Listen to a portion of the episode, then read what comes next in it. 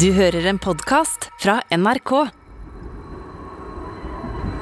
Tenk deg en by der biltrafikken har dominert i mange tiår. Men der en endelig skal få på plass ei bane som skal ta folk fra bydelene og inn til sentrum. Men dette er en by der endringer er vanskelig. Og når banen støter på en av de viktigste bysymbolene, blir det helt umulig å bli enig om noe som helst. Nei, hvis ikke vi tåler spissformuleringer og en frisk debatt om en så viktig sak som bybane over Bryggen, så er man jo i feil by. Eh, Det er sånn som man må regne med i en eh, politisk debatt i en by som Bergen, hvor følelsene lett tar fyr og engasjementet blir høyt. Den byen er noe for seg sjøl. Niagarafossen. London og Paris. Ta det mot Bergen! Nordens paradis! Jeg heter Elise Farestveit, og med meg har jeg historieprofessor Morten Hammerborg. Det blir sivil ulydighet. Det blir slagsmål gatehjørne for gatehjørne, for det har ikke legitimitet. I tiår har debatten om bybaner rast i vestlandshovedstaden. Nå er den på vei mot et nytt klimaks. Det er slutten av november 2021, og det nærmer seg ei viktig avstemning i bystyret. Der det store stridsspørsmålet i Bergen skal avgjøres. Skal Bybanen gå over Bryggen eller ikke? Og ifølge tidligere Ap-byråd Trond Tystad, så kan konsekvensene bli dramatiske. Ja, det er jo historien vår. Her var det kontakten mot sjøen som var viktig. Og det er den kontakten, når vi både føler på historien og danser våre egne liv i framtiden, det er jo den kontakten vi liker å være i. Fra Bryggen her og ut, og uten at det går en bane forbi hvert halvannet minutt. Men det går masse trafikk forbi nå. Ja, og den vil vi bli kvitt. I Bergen finnes det ingen gyllen vei, eller middelvei, der man er enten veldig for og veldig mot. Og Det er jo denne saken et stjerneeksempel på. Meningene er delte, og språkbruken den er tidvis ganske heftig i denne debatten. Ja, altså vi snakker ofte om at eh, Bergen og bergenserne ser seg sjøl som en slags eh, handlende kollektiv, et fellesskap som står opp for byens interesser. Men eh, eh, ganske ofte så foregår jo den eh, krangelen internt i Bergen, og det er jo det vi skal inn i her. Ja, det er tydelig at temperaturen er høy, og det blir snart klart at eh, denne saken kan få alvorlige konsekvenser for styringen av byen. Dersom et flertall i denne sal, som òg inkluderer partier og representanter som er imot Bybanen, og som ikke vil finansiere den, og som ikke vil bygge den, i dag vedtar å gå videre med tunnel, så må det samme flertallet gjennomføre vedtaket. De må stå ansvarlig for konsekvensene dette medfører for Bergen. Og det samme flertallet må også sikre reguleringsplanen, og det samme flertallet må vedta økte bompenger. I så fall vil jeg og mitt byråd ta konsekvensen av det. Jeg mener et uansvarlig vedtak å gå av. Takk for. Byrådsleder Roger Valhammer han truer altså med å gå av, fordi han ser ut til å tape denne avstemminga om hvor Bybanen til Åsane, som er en bydel nord for Bergen med over 40 000 innbyggere, skal gå. Byrådet vil ha baner over Bryggen, den såkalte dagløysinga, men har ikke med seg hele bystyret på det. For det andre alternativet, det er tunnel. Det er tunnel, visstnok. Det er ingen som riktig har helt greid å peke på hvor den tunnelen skal gå. Det er jo da et uh, vedvarende problem i denne debatten. Men her er det altså snakk om Egentlig det blir ofte sagt at det er snakk om 200 meter. Det er 200 meter med bane foran Bryggen eller i tunnel. Og hvor en eh, linje for en eh, type kommunikasjonsmiddel skal gå, er jo vanligvis noe som overlates til eh, ingeniører og andre fagfolk. Men i dette tilfellet her så er det altså nok til å kaste byen ut i en politisk krise. Og Valhammer går av når han taper denne avstemningen med én stemme i bystyret i Bergen. Og sett utenfra, i hvert fall, eh, så virker jo dette noe uforståelig. Hva er dette for noe? Hvordan kan vi forstå denne krangelen? Hva er denne saken for noe? Ja, er dette som skjer her, denne onsdagen i eh, november, bergensk? Både òg, vil jeg si. Altså, det er en del av en lang historisk utviklingslinje som, eh, og problemer som alle byer har slitt med. Men også her spiller det bergensk en rolle. Vi skal spole et godt stykke tilbake for å prøve å forstå hvorfor dette her er så vanskelig i Bergen. Og før da, så så jo byen helt annerledes ut, og det må vi ha med oss her. Ja, Bergen var jo da en, eh, som vi eh, er glad i å si her i byen, eh, største byen i 700 år osv. Mm eh, men den byen vi da snakker om, er jo egentlig bare området rundt Vågen. Det var en ekstremt tett befolket urban bosetting rundt Vågen i hundreår etter hundreår.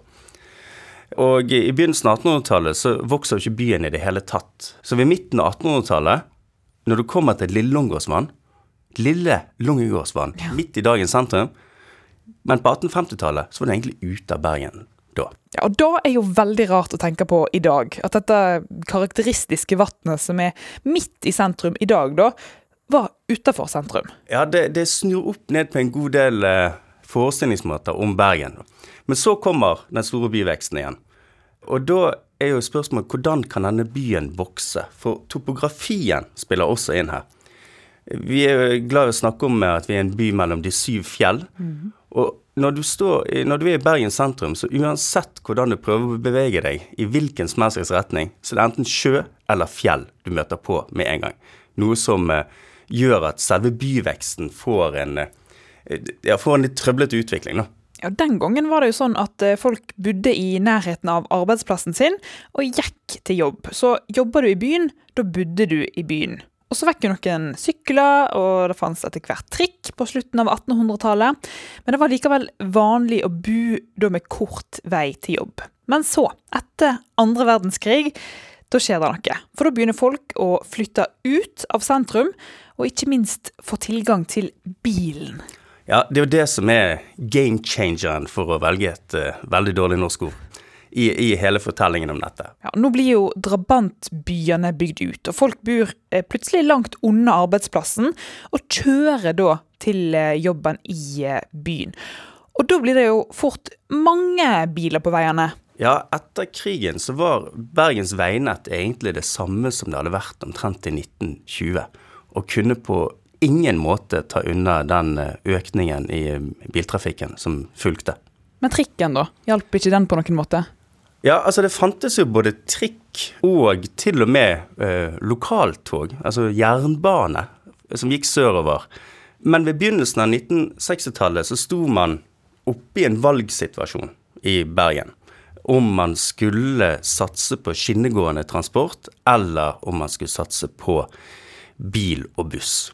Og det kan jo nevnes at eh, bare noen ganske få år tidligere så hadde det skjedd et meget, meget viktig vedtak i Oslo Oslo kommune hadde gjort et uh, helt avgjørende vedtak i 1954 om å bygge T-banesystemet sitt. Seks år før frislipp av bil, og før liksom bil og motorvei blir det, blir det selvsagte svaret. Så her er noe med timing i forhold til politisk ideologi som styrer på ulike tider, og også topografiske forutsetninger. Oslo er ikke omgitt av syv fjell og en haug med ulike fjorder og sund. Så de har det vedtaket som har hatt enorm betydning for den eh, byens utvikling, særlig når det kommer til kommunikasjon. I Bergen derimot så blir først det at en lokal eh, forretningsmann og visjonær når det kom til kommunikasjoner, Fritz Riiber, han lykkes med å få Stortinget til å vedta Ulrikstunnelen. Men en forutsetning for at staten og NSB skal gå med på å bygge Ulrikstunnelen, som forkorter da Bergensbanen, det er det at NSB ikke lenger skal ha utgifter på den gamle jernbaneruten fra Bergen sentrum via Nesttun gjennom Arna. Eh, og dermed så kommer den i spill. Og den blir dyr å drive, så den legges ned. Og i tillegg, omtrent på samme tid og i 1965, man har gradvis eh, fjernet trikkene fra byens gater, så, så, så legger man på midten av 1960-tallet et slags avgjørende, grunnleggende valg i Bergen om at skinnegående transport, det skal man ikke ha, og istedenfor skal man ha bil og buss. Den har slynget og klinget seg gjennom streder og gater i et par generasjoner, men omsider har utviklingen trillet fra den. Ikke fra materiellet, det er etter hvert modernisert og i pakt med tiden, men trafikken er i ferd med å ta strupetak på trikken.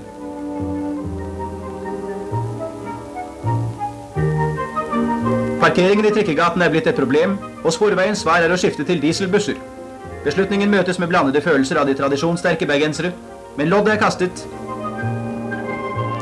Vi er på midten av 60-tallet, og fra nå av er det vei og bil som gjelder. Men fordi veinettet i Bergen altså ikke er oppgradert til eh, disse nye trafikkmengdene, så ble det et enormt trafikkaos og køer gjennom hele byen. Men så begynner det å skje ting på 70-tallet. Ja. I 1972 så går Bergen sammen med sine nabokommuner, Arna, Åsane, Fana og Laksevåg i en ny storkommune. Og Samtidig så mister Bergen sin status som egen fylkeskommune. Og da skal man kunne planlegge all denne trafikken sett under ett. Og 1970-tallet det innvarsler også en uh, ny uh, oppmerksomhet rundt miljø. Og sterke stemmer tar til orde for at uh, både av hensyn til miljø, av hensyn til byen, og ikke minst pga. de voldsomme køene og tidstapet som alle opplever med å skulle komme seg til og fra byen. For arbeidsplassene ligger fremdeles i byen selv om folk har flyttet ut fra sentrum. Så får man opp ideen om en forstadsbane, som da ser ut til å skulle bli vedtatt eh, ved begynnelsen av 1970-årene. En forstadsbane som eh, skulle binde sammen alle bydelene med Bergen sentrum. Men denne forstadsbanen, den eh, blir det jo ikke noe av. For etter mye om og men, så er det klart at det fremdeles skal satses på asfalt og bil. Ikke noe skinnegående transport. Og Det gjør jo òg at køene og trafikkaoset fremdeles er et problem. Ja, køene var totalt lammende og forkrøplende for eh, altså hele Bergens virkemåte. Altså Folk må komme seg på jobb, de må komme seg hjem igjen. Unger må på skolen osv. Og når ikke det virker, så virker rett og slett ikke byen. Sant? Det er ødeleggende for næringsliv, og konkurransekraft og alle disse store, flotte ordene. Og det, det, var, det, ble satt på som en krisesituasjon for Bergen. Og da, i kriser, så kan man av og til finne på sånn desperate løsninger. Og det gjorde man i Bergen. Eh, og i 1983 så tok eh, noen nøkkelfolk, bl.a. en Arild Eggen ved Statens eh, vegkontor i i Bergen initiativ til det som ettertiden kjenner som Wienerbrødmøtet i 1983. Det var at Arild Eggen samlet lederen til de tre største politiske partiene i Bergen, Arbeiderpartiet, Høyre og den gang også da Kristelig Folkeparti, til et møte hvor han da serverte de wienerbrød som han senere fremholdt som en suksessfaktor, og presenterte det som han sjøl titulerte som en, en gal idé. Byen mellom de syv fjell har noen av de verste trafikkforhold i landet. Problemet kan bare løses ved å slå hull i fjellene. Men dermed er ikke problemene løst. Hvis hele transportplanen for bergensområdet skal settes i verk, vil det koste to milliarder kroner. Og det vil ta 30 år med dagens tempo i bevilgningene. Men Hordaland veikontor har i planen funnet en løsning. Betal bompenger, og vi skal gjøre jobben på halve tiden. 15 år. Pengene først, og så vei. Og En bompengering på denne tiden her var noe radikalt nytt. Det var én by i hele verden, visstnok, Singapore, som hadde en, en eh, slags bompengering. Og nå lanserte han ideen om at hvis alle må betale for å bruke veien inn til Bergen sentrum, så kan vi finansiere en løsning på alle trafikkproblemene til Bergen. Hvordan er det for deg som trønder å komme med et slikt forslag i Bergen? Jeg har visse fordeler fremfor eh, bergenserne å komme med et sånt forslag. For eh, om det blir for varmt og for kaotisk i byen her, så kan jeg reise herifra. Bergenserne de er jo pukka nødt til å forbli i dette trafikkaoset sitt. Men er bergensere i morgenkø på vei til jobben vilje til å punge ut? Nei. Det burde jo ikke vært tillatt. Det er helt sikkert. Det blir jo veldig dyrt. Er det ikke verre å bli sittende i kø? Jo, det er det. Hvorfor er du mot? For Jeg syns vi har så mange andre skatter og avgifter på bil at jeg mener det er fullstendig nok. Ja, personlig må jeg si jeg er for, for å få det bedre. Men uh, dilemmaet er jo selvfølgelig dette at vi betaler for en vare som vi ikke vet når vi får. Men jeg er for. Regner du ikke med at uh, bompenger vil kunne rette på trafikkproblemene? Nei, jeg tror det blir verre. Det aksjoneres mot bompengeringen. Men Folkeaksjonen har, tross høylytte protester, ikke blitt noen suksess. Er det tverrpolitisk enighet i Bergen om denne type avgifter? Jeg må si det på den måten at det er bred politisk enighet i bystyret om å søke å finne frem til en ordning som skaffer til veie de 30 millioner kroner. Nøkkelen her blir jo dette flertallet. Altså de tre største partiene i Bergen ble enige om denne bompengeringen. Ja, og nettopp det at du får lov å Høyre og Arbeiderpartiet, de tradisjonelt to største partiene, og nå her også med KrF Jeg tror de hadde i hvert fall over 80% av eh, stemmene i Bergen på den tiden. Og når de tre ble enige om å skulle stå sammen om dette, denne bompengeideen, selv om de selvfølgelig visste at det kom til å bli enormt bråk, men det ble sett på som en så viktig sak for byen at dette måtte de sammen tåle. Men det var helt avgjørende nettopp at denne brede alliansen holdt. For selvfølgelig ble det bråk. Men bompengeringen ble innført. Og det som gjorde at eh, bølgene la seg ganske raskt den gangen, selv om det bergenske raseriet selvfølgelig sto i taket, det var det at man fikk til en kjempedeal med staten. Og Stortinget gikk med på at for hver krone man tok inn i bompenger i Bergen, så fikk man en krone fra staten. Og planene lå klare for en Fløyfjellstunnel, for motorveier, eh, særlig da fra Åsane og inn til byen, og som gjorde at bergenserne de fikk se veier bli bygget raskt for de pengene de faktisk betalte. Og køene, de forsvant. Det høres jo fint ut dette her, skulle jo tro en hadde løst problemet da. Men så viser det seg jo da at trafikken den bare øker etter hvert som veiene blir bedre. Ja, og etter hvert så får du også, eh, også på 90-tallet en, en, en, miljøbevegelse som tar til orde for å redusere biltrafikken.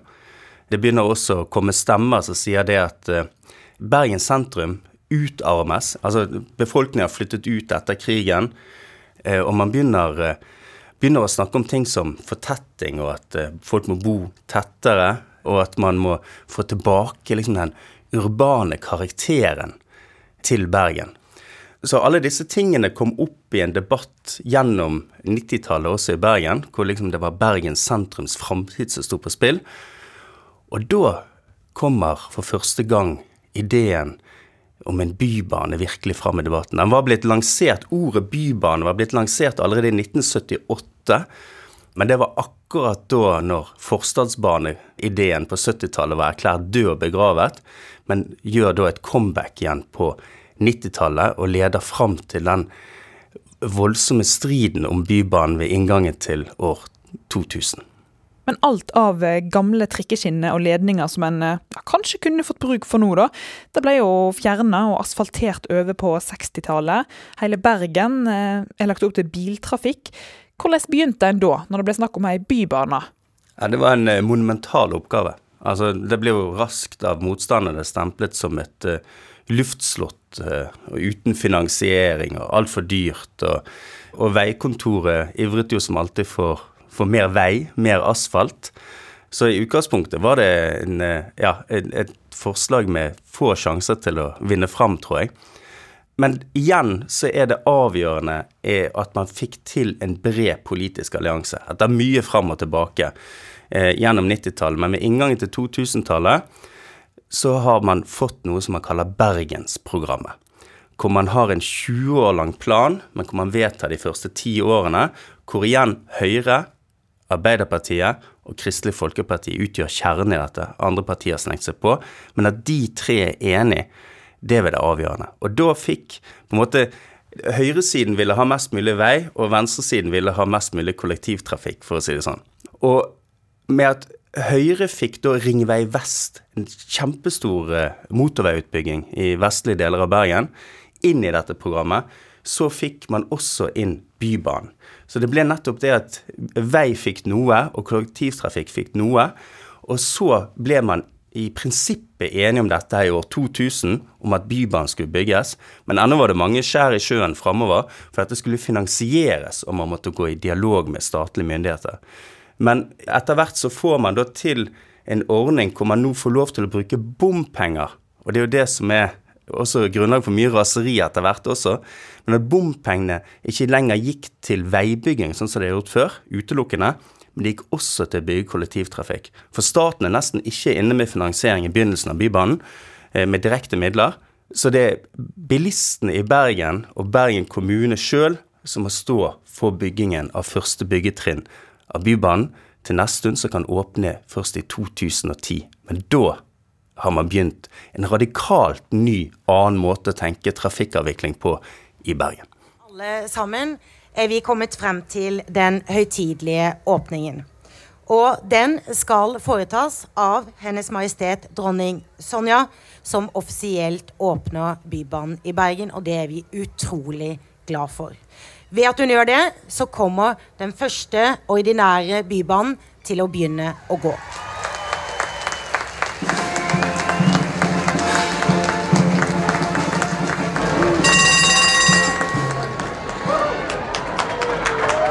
Så nå skal vi ta Bybanen opp til Nesttun. Hva tenker du om det? Fantastisk. Hjertelig velkommen. Helt fantastisk. Ja. Har du ikke prøvd den ennå? Nei. Første bane går halv to, og det er lang kø, så vi gidder ikke å stå og vente. Nei. Jeg syns dette er fint. Jeg. Det går raskt opp og stille og fredelig. Sitter godt gjør jeg òg.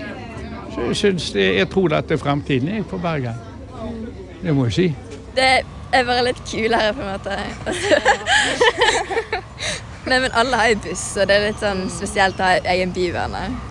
Dette var altså første delstrekning fra Bergen sentrum til Nesttun, som ble åpna i 2010, altså. I løpet av de neste årene så ble han bygd videre til Lagunen, og til slutt forlenga til Flesland, åpna i 2017. Men så begynner det å bli virkelig vanskelig. Ja, for vanskelig har det vært hele veien. Det har hele tiden vært en politisk opposisjon, særlig fra Fremskrittspartiet, deres pensjonistparti osv., som ikke vil ha bybane i det hele tatt. Og det var nok flertall i befolkningen mot byggingen før byggingen begynte, ifølge meningsmålinger. Men når han først kommer i, i trafikk, Bybanen, så blir han jo en enorm suksess. Og, og det store flertallet av bergensere ønsker mer bybaneutvikling. Og det er klart han skal til Flesland, og det er jo sørover i byen. Det store spørsmålet er hvordan kommer vi oss nordover i byen. Så ideen til å begynne med er at den må begynne byggingen til Åsane med en gang man er ferdig til Flesland. Men det blir med en gang trøbbel. For Monica Mæland, som da styrte denne byen her med ganske så stålkontroll i en tiårs tid, hun går ut i media i 2012, er det vel, og sier at banen skal gå over Bryggen det er helt tydelig at situasjonen i bystyret er så delt. Arbeiderpartiet er på den tiden et tunnelparti. Monica Mæland styrer jo Høyre, så selv om det er stor intern opposisjon mot Bryggen-alternativet, så er de offisielt for tunnel. Men det er tydelig at ingen greier å bestemme noe, og det er ennå ikke gjort utredninger nok til å liksom ta et uh, fornuftig vedtak på dette. Så bystyret har sagt tullevedtak i 2014 med at man skal få en tunnel inn ved siden av Kjøttbasaren på begynnelsen av Bryggen. Alle som stemmer for det, vet at det er helt urealistisk. For det, det kommer til å gå rett inn i arkeologiske kulturlagene til hele Bryggen. Så det kommer aldri til å skje. Det er kun en utsettelse av det å måtte ta det endelige valget. Og så kommer enda en idé, for Monica Mæland har jo reist til, til, Oslo for å bli statsråd i Erna Solbergs regjering. Og da blir det hjemme alene-fest i Bergen Høyre, og voldsom opposisjon, og Frølich får laget en av egen lomme så får han laget et slags kunstnerisk framstilling av et, av et Bryggen uten både bane og bil. For det går jo biltrafikk der, det må vi ikke glemme. Det går biltrafikk foran Bryggen i alle disse årene. Og så blir det til at Høyrebyrådet den gangen vedtar utbygging vestover, altså mot Fyllingsdalen først. Og det er den som i 2022 skal åpne. Og da er ideen at man må ha kontinuerlig utbygging. For hvis du stopper utbyggingen av Bybanen, så kommer alt i spill. Da blir alt rigget ned, organisasjonen blir oppløst osv. Så, videre.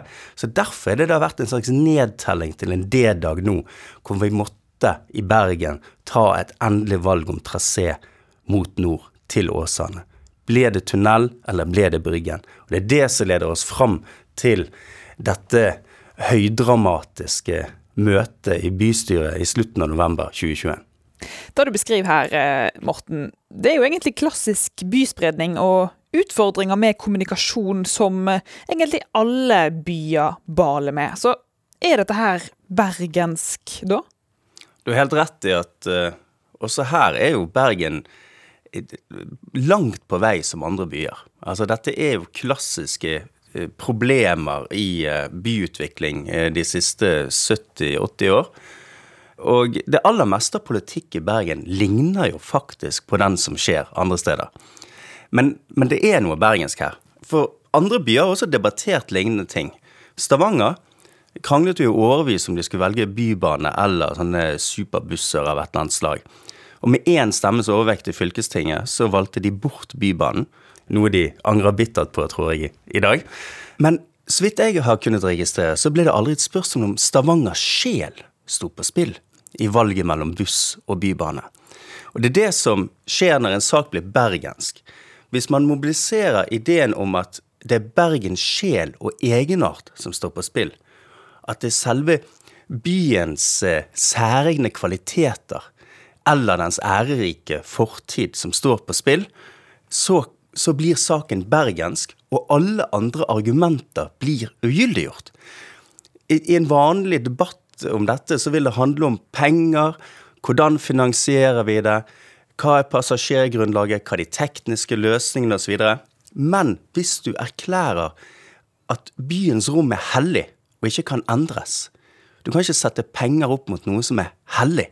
Og da blir det bergensk og kan ta uante veier som ingen helt kan kontrollere. Og da blir denne byens politiske offentlighet og politiske prosesser annerledes enn andre steder. Men først opp Tor Voldseth. Du har ett minutts taletid. Vær så god, ordet er ditt. Takk, ordfører. Bybanen, dette dreier seg om hvilken trasé vi skal ha gjennom sentrum. Skal den gå over Bryggen, eller skal den gå i tunnel? Eh, jeg er vel en av de som har vært med lengst i denne saken, og jeg har vært helt klar fra første stund på at den skal ikke gå over Bryggen. Og hvorfor det?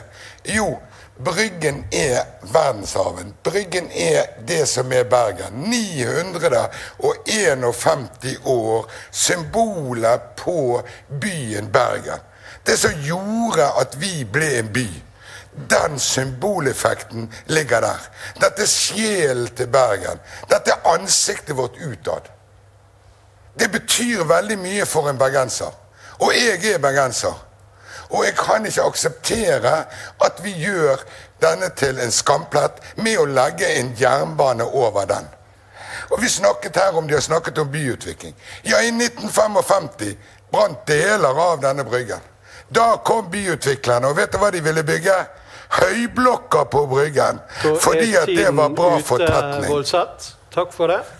Ja. Bryggen blir jo dyrka som et eh, symbol på Bergen. Det er byens sjel, blir det sagt. Men det har jo ikke alltid vært sånn. Nei. I 1955, som ble nevnt her, eh, så brant jo deler av Bryggen. Og det fortelles jo da at eh, bergensere prøvde å hindre brannbilene i å nå fram til brannstedet. For å la skiten bare brenne ned. For Bryggen hadde jo for lengst da sluttet å ha noen økonomisk funksjon for Bergen. Eh, og var kjent for eh, ja, å være falleferdig. Det satt eh, drukkenbolter, fylliker av ulikt slag rundt omkring der. Det var massive rotteproblemer. Og, og, man så for seg at denne tomten kunne brukes til noe mye mer verdifullt midt i eh, Bergen sentrum. Men ironisk nok så ble jo brannen, som da tok eh, den delen av Bryggen som i dag er SAS-hotellet, eh, på enden av Bryggen, nordlig enden av Bryggen, det ble jo begynnelsen på Bryggens redning.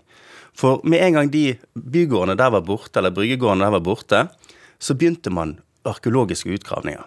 Og som var en sensasjon. Det ble grunnlag for Bryggens museum, og man kunne følge lag på lag byens eldste historie helt tilbake til 1000-tallet i de utgravningene. Og bevaringstanken, og at dette her var nettopp eh, Det fortalte historien om Bergen fra de første tider. Og ble da Fikk et eget museum, og i 1978 eh, så fikk eh, den verdensarvstatus gjennom UNESCO, som vel nummer to eller tre fra Norge. Og, ble liksom løftet opp til sånn ikonisk status på hva som egentlig Bergen har å være stolt av internasjonalt. Og det at man kom så nær å rive Bryggen den gangen, og det, og det ble hevdet at uh, et flertall av bergenserne ville fjerne Bryggen den gangen, på 1950-tallet. Og at vi kom så nær å fjerne alt dette, det bidrar nok også til eh, temperaturen nå, når det blir eh, forstått som at å legge bybane over Bryggen, der det i dag går biltrafikk, det er en feil vi ikke kan tillate oss å gjøre. Vi kom så nær å ødelegge Bergen den gangen. Vi må ikke gjøre det nå. Så det er dette som står på spill i eh, bystyret denne onsdagskvelden i november 2021. Og de fleste bergensere fulgte nok spent med på debatten. Og det gjorde jo du òg, Morten. Det gjorde jeg absolutt. Dette er en, Debatter i Bergen blir ofte kjenselsladde og sterke. Historiker Martin Hammerborg har sagt at den blir bergensk. Eh, vi elsker det, men la oss likevel eh, tenke oss om. Ta det endelige valget på informert eh, grunnlag litt seinere. Det vi hørte her, var Steinulf eh, Tungesvik, eh, Senterpartiets representant, som brøt med Senterpartigruppen i debatten og avstemningen.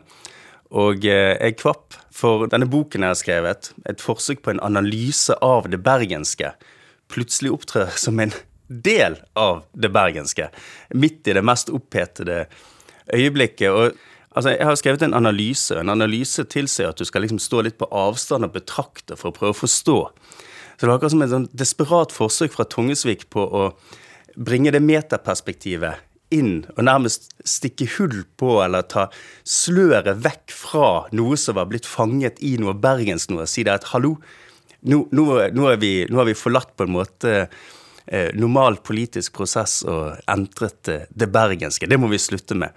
Og Tungesvik han sammen med en annen Senterpartirepresentant, Stig Torgersen, prøvde da med et eget forslag om å skulle utrede fortsatt både tunnel og Bryggen-alternativet. Kjempedyrt og dobbel prosess og sånne ting. Men fordi det denne kvelden lå an til at byrådets innstilling om dagløsning ville tape med én stemme, så var det om å gjøre å redde prosessen videre. Og da tok Tungesvik i bruk dette her. Og det ble altså sånn at alternativet med Bybanen over Bryggen ble nedstemt med ei stemme, til fordel for tunnel. Ja, og det, det var jo en, eh, en, meget nervepirrende kveld, eh, som eh, gikk slik som de fleste trodde på forhånd. En eh, slags allianse bestående av Høyre, det meste av Senterpartiet, restene av Folkeaksjon nei til bompenger, en, en rad med uavhengige nå som har enten blitt ekskludert fra Frp eller gått ut av Folkeaksjon nei til bompenger og da FrPs enslige representant, ja, og den tidligere Pensjonistpartiets representant, som jo også er ekskludert eller gått ut av sitt parti og nå representerer Generasjonspartiet. Alle disse samlet seg i et 34 mot 33-vedtak eh, til eh, forslaget om Bryggen. Og ikke la oss forglemme, også Rødt sine tre representanter inngår i denne koalisjonen. Og eh, da tar jeg konsekvensen av det og meddeler da herved at bystyret, eh, til bystyret at jeg og byrådet vil eh, gå av. Eh, så har jeg lyst til å legge til at skulle ordførerens sonderinger tilsi at et flertall på nytt peker på at de foretrekker et byråd ledet av meg og Arbeiderpartiet. Så vil jeg være villig til å påta meg det ansvaret på nytt, men jeg vil samtidig understreke at de som peker på meg, da må legge til grunn at mine vurderinger og sakens realiteter de vil være de samme, og at det ikke er aktuelt for meg å gå på igjen dersom det innebærer at jeg må ta ansvar for det tunnelvedtaket som i dag er vedtatt. Bergen blir altså kasta ut i ei politisk krise, den største i byen på flere tiår. Ja, kanskje noensinne. Og i hvert fall den største siden da byparlamentarismen gjør sitt inntog på begynnelsen av 2000-tallet. Og Valhammer erklærer jo det at uh, her står det 20 milliarder på spill. Det står mye mer enn bare Bybanen på spill. Det står en forlengelse av Fløyfeldstunnelen på spill, uh, en Nordhordlandstunnel, mange andre trafikktiltak i en stor og kompleks eh, byvekstavtale inngått med staten, hvor da staten nå går inn med 70% statlig finansiering. Og hvis det ikke blir vedtak nå, så kan de pengene ryke.